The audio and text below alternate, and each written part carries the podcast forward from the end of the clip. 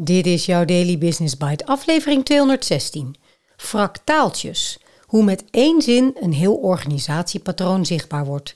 Door Wendy Nieuwland Hill op gewoonaan-de-slag.nl. Een mens is een wezen dat op veel verschillende manieren communiceert en soms spreekt. Dat is natuurlijk zo. Je lichaamshouding, je gezichtsuitdrukking, ogen die rollen. We interpreteren de hele dag door. Maar oh, oh, die woorden of taal, die kunnen zoveelzeggend zijn. En ik houd van woorden, woordspelingen of luisteren naar wat er wordt gezegd. Fractaaltjes als woord sprak me meteen aan. Maar als je er straks nog meer over hebt gehoord, dan weet ik zeker dat het je ook heel erg aanspreekt. Let's start. Je luistert naar Daily Business Bites met Marja Den Braber, waarin ze voor jou de beste artikelen over persoonlijke ontwikkeling en ondernemen selecteert en voorleest. Elke dag in minder dan 10 minuten. Hoe krijgen jullie het toch voor elkaar om zo snel een scherp beeld van onze organisatie te hebben? Rutgers blik houdt het midden tussen bewondering en scepsis wanneer we een half uur in het kennismakingsgesprek weergeven wat onze indruk is van zijn vraagstuk. Om razendsnel een beeld te vormen van hoe de hazen lopen in vele organisaties waar wij rondlopen, letten we goed op wat we horen en zien. Veel patronen tonen zich namelijk al bij binnenkomst of zelfs nog eerder. Hoe je ontvangen wordt, hoe afspraken tot stand komen. Ook in uitspraken die in één klap een heel organisatiepatroon zichtbaar maken. Fractaaltjes noemen we die. Een fractaal is een element dat voortkomt uit een voortdurende herhaling van steeds dezelfde patronen of processen. Net als een stronkje van een broccoli dezelfde vorm en structuur heeft als de hele broccoli. Fractalen in organisaties zijn uitingen die in al hun kleinheid een stuk van de organisatiedynamiek tonen.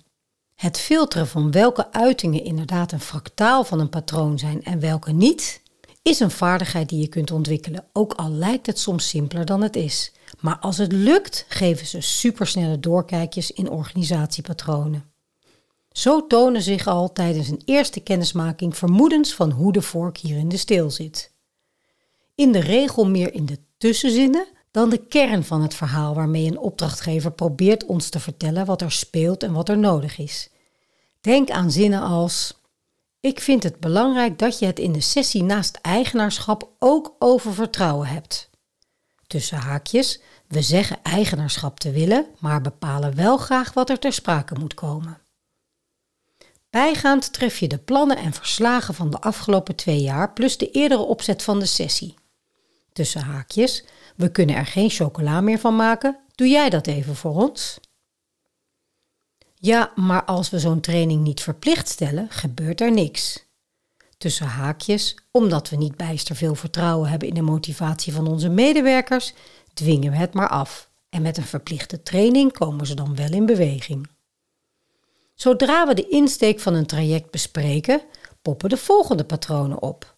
Soms in de uiterste meegaandheid in voorstellen. Jullie zullen het wel weten, want jullie zijn de experts maar duidelijker nog in kritische uitspraken als: Mijn mensen gaan elkaar echt niet aanspreken. Ze verwachten dat ik dat doe.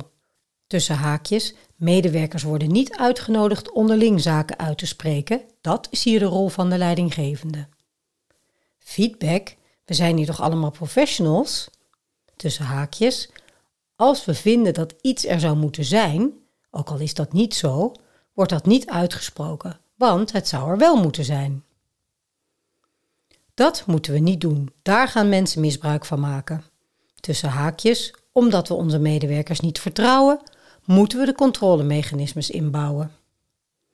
Vanuit onze visie op duurzame verandering kijken we met een systemische bril naar organisaties en geloven we maar beperkt in maakbaarheid. We werken aan verandering van binnenuit, wat per definitie betekent dat je werkt aan manieren die passen bij wat nodig is in de organisatie. Zo bezien snap je dat onze mond nog wel eens openvalt bij uitspraken als: Nee, helaas, de ramen kunnen hier niet open, daar is het klimaatsysteem te gevoelig voor.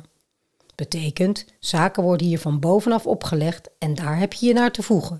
Feedback over hoe dat in de praktijk uitpakt is niet welkom. Hoezo, dat weet je niet. Ik heb je toch in de CC gezet? Behalve gooi iedereen in de CC, dan ben je er vanaf, toont het ook een patroon van fragmentatie. Ik ben alleen verantwoordelijk voor mijn stukje. Je had eigenlijk een uitmuntend verdiend, maar daar mogen we er maar twee per team van geven. Wie is hierin leidend? Het bedachte systeem of de realiteit van de mensen? Gaandeweg ieder veranderd traject zie je dat mensen proberen om toch weer andere manieren te vinden, omdat het nu eenmaal ook de nodige discipline vraagt. Er komen uitspraken die haarfijn laten zien dat men wel weet hoe het eigenlijk zou horen, maar tegelijk ook hoe het in werkelijkheid gaat. En dat laten we lekker zo bestaan. Zo ontstaan olifantenpaadjes, te horen of te lezen in zinnen als: Om vijf uur start de alcoholvrije borrel. Om zeven uur wandelend naar huis. Wink, wink, nudge, nudge. Ga je ook zo slecht rijden van alcoholvrij bier? En dit wordt dan jouw vaste flexplek. Het beleid is hier namelijk dat we flexen, dus zo noemen we het dan maar. Daarmee vermijden we een hoop ingewikkelde gesprekken. Pick your battles.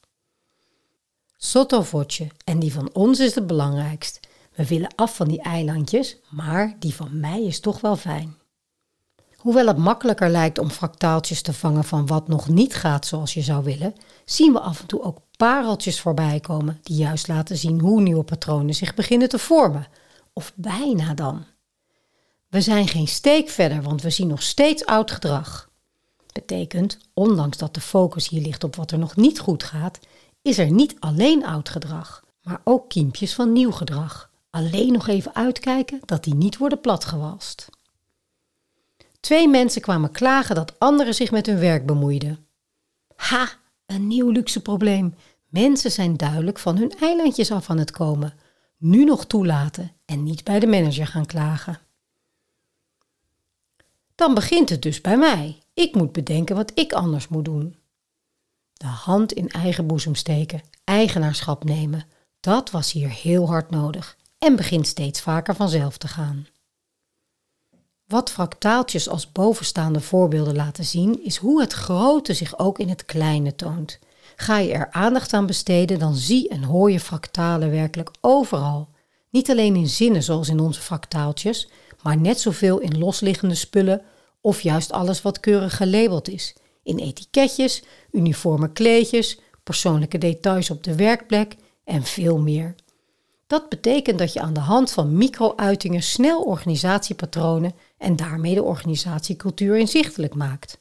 Wij vroegen ons een jaar of wat terug af: zou dat ook kunnen zonder voorkennis over de organisatie, alleen door te kijken en luisteren en relevante patronen opsporen? Dat onderzochten we. We deden meerdere fractale onderzoeken in organisaties en koppelden terug welke patronen wij meenden te zien. Via het vangen van fractalen met een paar bezoeken in de organisatie kun je in no time belangrijke organisatiepatronen blootleggen. Aangezien die fractalen heel concrete voorbeelden uit eigen praktijk zijn, komen ze ook nog eens heel sterk binnen. Wat weer helpt om ermee aan de slag te gaan. Daily Business Bites met Marja Den Braber. Je luisterde naar Fractaaltjes, hoe met één zin een heel organisatiepatroon zichtbaar wordt, door Wendy Nieuwland-Hill. Een geweldig woord toch, fractaaltjes? Taalpatronen die iets blootleggen over de organisatie. En het idee is dat deze kleine taalpatronen een groter organisatiepatroon weergeven. En dat het herkennen van deze patronen natuurlijk ook superhandig is voor jou als manager of teamleider. Onlangs zat ik in een kennismakingsgesprek en daar werd een paar keer gezegd of gevraagd ter afronding van een onderwerp: Ik heb nog een nabrander of heeft er nog iemand een nabrander? Interessant vond ik dat. Toen ik dit Wendy vertelde, vroeg ze mij direct: En wat zegt het jou? Zo'n simpele vraag en ik merkte direct dat het mij een heleboel zei. Mijn eerste beeld is vaak echt heel letterlijk. In dit geval, er brandt nog iets. Dat is in ieder geval niet goed. En ik had ook niet direct een beeld van een gezellig knapperend haardvuurtje, zeg maar. We hadden iets belangrijks wellicht over het hoofd gezien. En nog veel meer. Eén woord maar. Wat kun jij hiermee? Ik heb drie conclusies. Taalpatronen kunnen inzicht geven in de organisatiestructuur en cultuur. Door goed te luisteren naar de manier waarop mensen praten en de woorden die ze gebruiken, kan jij bepaalde patronen herkennen die iets zeggen over hoe de organisatie is gestructureerd en hoe mensen met elkaar omgaan. Het herkennen van deze taalpatronen kan helpen bij het oplossen van problemen en het verbeteren van de prestaties. Want door deze patronen te herkennen kun je beter begrijpen waarom bepaalde problemen zich voordoen en hoe ze kunnen worden opgelost. En het kan ook helpen bij het verbeteren van de samenwerking en de communicatie tussen medewerkers. De derde is door bewust te zijn van de taal die wordt gebruikt, kun je zelf ook invloed uitoefenen op de organisatiecultuur. Door bijvoorbeeld bewust te kiezen voor bepaalde woorden of taalpatronen, zoals een nabrander of juist een heel ander woord. Ik spreek je graag morgen weer.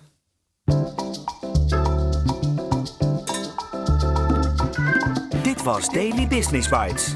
Wil je vaker voorgelezen worden? Abonneer je dan op de podcast in je favoriete podcast-app. Meer weten? Klik op de links in de show notes.